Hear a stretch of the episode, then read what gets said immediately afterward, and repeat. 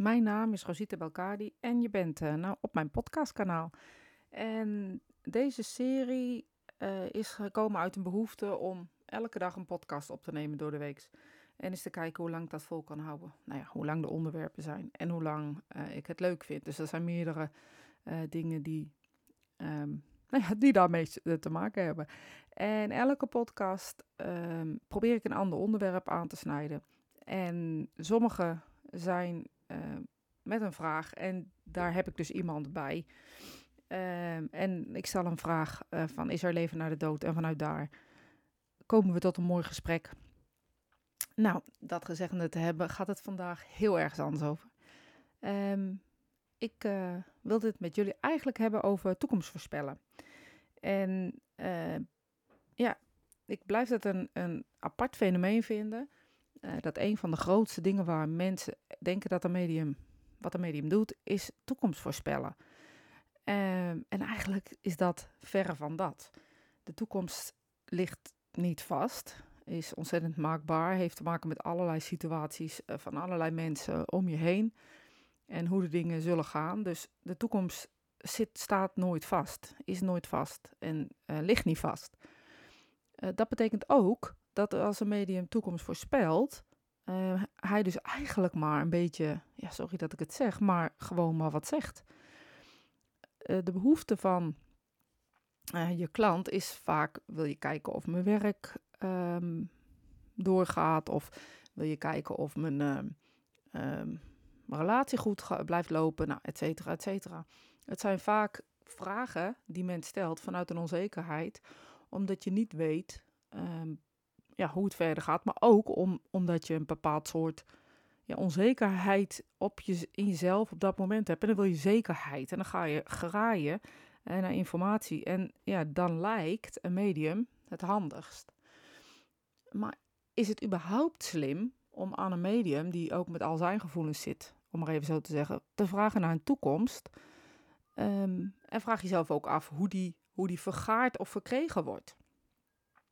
Ik heb zelf wel eens meegemaakt dat de spirituele wereld, uh, als je echt heel erg goed in connectie bent met de spirituele wereld en uh, er komt een overledene en ze zeggen bijvoorbeeld heel veel bewijzen die gaan over het leven van de overledene en jou, uh, dat na een tijdje ze wellicht een paar maanden of een, of een tijdje vooruit een beetje kunnen kijken.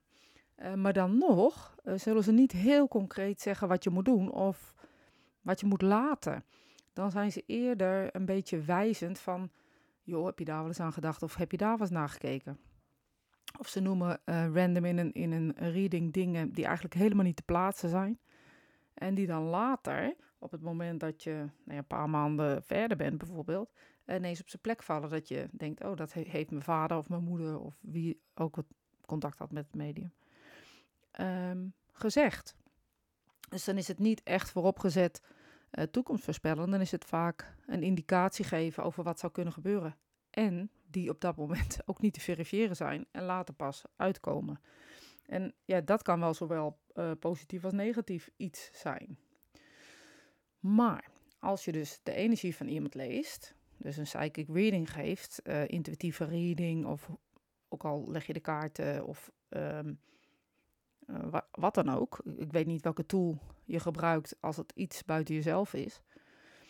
Um, maar dan stel je een vraag aan het medium, of het medium komt zelf met dingen uh, die in de toekomst liggen. En 9 van de 10 keer zijn dat, ja, ik noem het altijd maar het potentieel wat zou kunnen gebeuren. Benoem je dan of het potentieel van bijvoorbeeld omdat iemand een, een ontzettend verlangen heeft naar een andere baan, kan het zijn dat je dus de verandering oppakt en het gevoel van werk oppakt. En die twee aan elkaar plakt en dus maar roept, je krijgt ander werk. Terwijl eigenlijk het verlangen was om um, wellicht te kijken naar het werk uh, vanuit uh, je klant. Dus op het moment dat je dus als medium uh, iets oppakt wat te maken heeft met werk en onzekerheid, uh, laat het dan daar ook bij. En ga niet zeggen, ik denk dat je, of ik uh, voel dat je, of je krijgt uh, ander werk over een tijdje. Dus geef het tot aan nu, niet tot morgen. Als je begrijpt hoe ik dat bedoel. Dus op het moment dat je zelf bij een medium komt en, je, en, het, en het medium zegt over twee maanden krijg je ander werk. En je zat zelf al een beetje te zoeken naar ander werk. Um, weet dan, of zeg zelfs tegen het medium, ja, krijg ik ander werk of voel je gewoon mijn onrust? En weet dus dat op het moment een medium toekomstvoorspellingen gaat doen, um, ja, ik vind het persoonlijk een, een, een, een heel erg uh, duaal stuk. Um, want ik vind eigenlijk echt, als je vanuit de intuïtie readingen leest, dat je daar gewoon vanaf moet blijven. Um, je mag die potentie noemen. Bijvoorbeeld, ik zie dat je onrustig bent op je werk.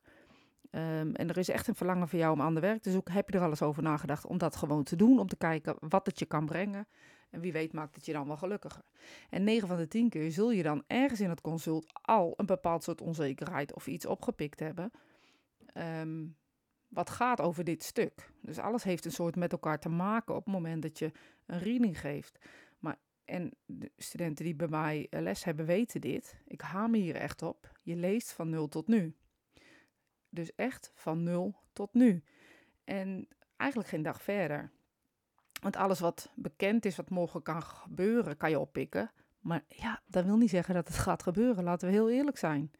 Want er hoeft maar één iemand anders een andere beslissing in je leven te nemen. En dat wat morgen zou gebeuren, kan allemaal totaal anders zijn.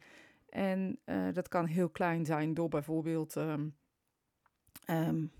ik veel wat, dat je de bus te laat is en je niet eerder op je werk komt. Maar dat kan ook heel groot en vreselijk zijn als dat er iets ergs gebeurt.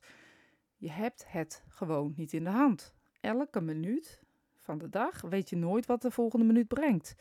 Want ja, dat weten we gewoon niet.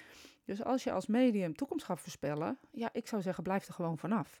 Laat gewoon uh, uh, iets wat je voelt, wat nog niet is, een potentieel zijn. Dus wat, wat ik daar echt mee bedoel, laat dat een potentie in iemand zijn. Bijvoorbeeld iemand is heel talentvol met zingen. Laat iemand die potentie volledig uh, uitdiepen om te kijken hoe ver die het gaat brengen, gaat brengen. En om nou gelijk te zeggen, je gaat singles opnemen Um, ja, ik weet het niet. Ik vind het gewoon een, gevaarlijke zone. Ook omdat um, je echt wel eens hoort dat, dat mediums ook zeggen van... Ja, verkoop je huis maar. Of ga van die man af. Of ga van die vrouw af. Of zeg je baan op. Of uh, weet ik veel wat. Nou ja, echt de meest bizarre dingen die, je, die, die ik hoor. Die gezegd worden. En dat, dat is echt waar. Um, die negen van de tien keer. Ja, dat moet het medium gewoon niet zeggen. Hij mag wel zeggen dat hij dat voelt, dat hij onzekerheid voelt naar die man toe. Of onzekerheid voelt naar je partner toe. Of dat hij onzekerheid voelt uh, met betrekking tot je huis. En um, dat, dat mag hij uitlichten, want dat zit in je. Die onzekerheid of die, dat verlangen of um, dat gevoel, dat zit allemaal in je. Maar om nou te zeggen dat het zo en zo gaat gebeuren, ik vind het een zonde die gewoon te ver gaat. En nogmaals, mocht een medium uh, contact maken met je, met je geliefde dierbare. En mochten er dingen naar boven komen um, waar, waar je eigenlijk geen weet van hebt, uh, dan, en je komt er later achter, dan was het toekomst voorspellen. Maar dan heeft de spirituele wereld dat gedaan. Dus niet het medium zelf die jouw energie leest. Ik heb daar zelf wel een voorbeeld van. Um, en ik noem het voorbeeld, ehm, ja, misschien andere mensen, misschien sommige mensen hebben het wel eens gehoord, omdat ik, weet dat ik dit voorbeeld mag noemen. Uh, er was een, een vrouw bij mij uh, met een vrouw en, en een dochter. En eigenlijk was het best wel een goede reading. Tot een zeker moment er ineens iemand voor die dochter kwam. Um, en ik het benoemde als uh, de vader van haar vriend. Nou, ze had geen vriend, dus dat was al snel klaar. En die vader, die, was, ja, die wist ook niet wie het was. En alles klopte. Die hele reading was echt heel goed. Behalve dat moment. En nou ja, dat, dat klopte dus uh, niet. Nou ja, ik heb, ben nog even doorgegaan. Ik heb dingen gegeven, specifieke dingen ook gegeven. Met andere woorden van, ja, weet je, schrijf het op, onthoud het. Uh, wie weet um, heeft dit wel een reden. En, en kom je vanmiddag je vriendin tegen en blijkt dit allemaal voor haar te zijn. En ik heb ook nog wat boodschappen erbij gegeven. Ik weet niet precies wat het was, maar ik weet nog wel dat ik die man gegeven dat er eigenlijk niets van klopte. En ik kon ook nog zijn zoon beschrijven, die zij dus ook niet kon. Um, nou, ik heb dat als, als ja, slecht einde van een reading uh, gevoeld en ervaren. Nou ja, je denkt op een gegeven moment niet meer aan dat het gaat weg. Jaren later heb ik een man op uh, consult. En ehm, die had zijn vriendin bij. En we zitten na te praten. En ik had ze contact gegeven. We zitten na te praten. Toen zei, zei die vriendin... Ehm, ik wil toch nog eens even terugkomen. Want jaren geleden ben ik bij jou op een, bij een reading geweest. En ehm, toen kwam er een vader door voor, voor een vriend van mij. En dat, dat begreep, begreep ik niet. Ze zegt totdat ik deze man, haar vriend, leerde kennen. En toen klopte alles, inclusief uh, de specifieke dingen die de spirituele wereld dus ja, gezegd had. Dat betekent dus dat ergens in de aankomende maanden na dat consult de spirituele wereld wist, en hoe vraag het me niet, hè? Ik bedoel, ik weet dit niet, maar wist dus dat hun elkaar of hen elkaar gingen ontmoeten. Die ontmoeting stond dus ergens die aankomende weken of maanden, want het was niet zo heel lang daarna hoor, stond dus al een beetje vast. Dus de spirituele wereld kan een beetje in de toekomst kijken. Laat ik het maar zo zeggen, want het staat niet vast. Maar die kunnen een beetje in de toekomst kijken. En dat schijnt te maken te hebben dat ze een iets ander tijdsbesef of tijds, tijds, ja, ervaring hebben als dat wij hebben. Of andere tijdstrilling. Ik weet niet precies hoe ik het moet zeggen. En toen ze dat dus teruggeven jaren later en alles klopte, dacht ik, oh, dat is grappig, want de spirituele wereld heeft dit dus al geweten. En um, ik ben er met de spirituele wereld wel eens in, in uh, gesprek mee gegaan van hoe zit dat nou? En inderdaad zeggen ze dan, we hebben een andere tijdsbesef als jullie. We denken dat dingen nu gebeuren en dan gebeuren ze een paar weken later.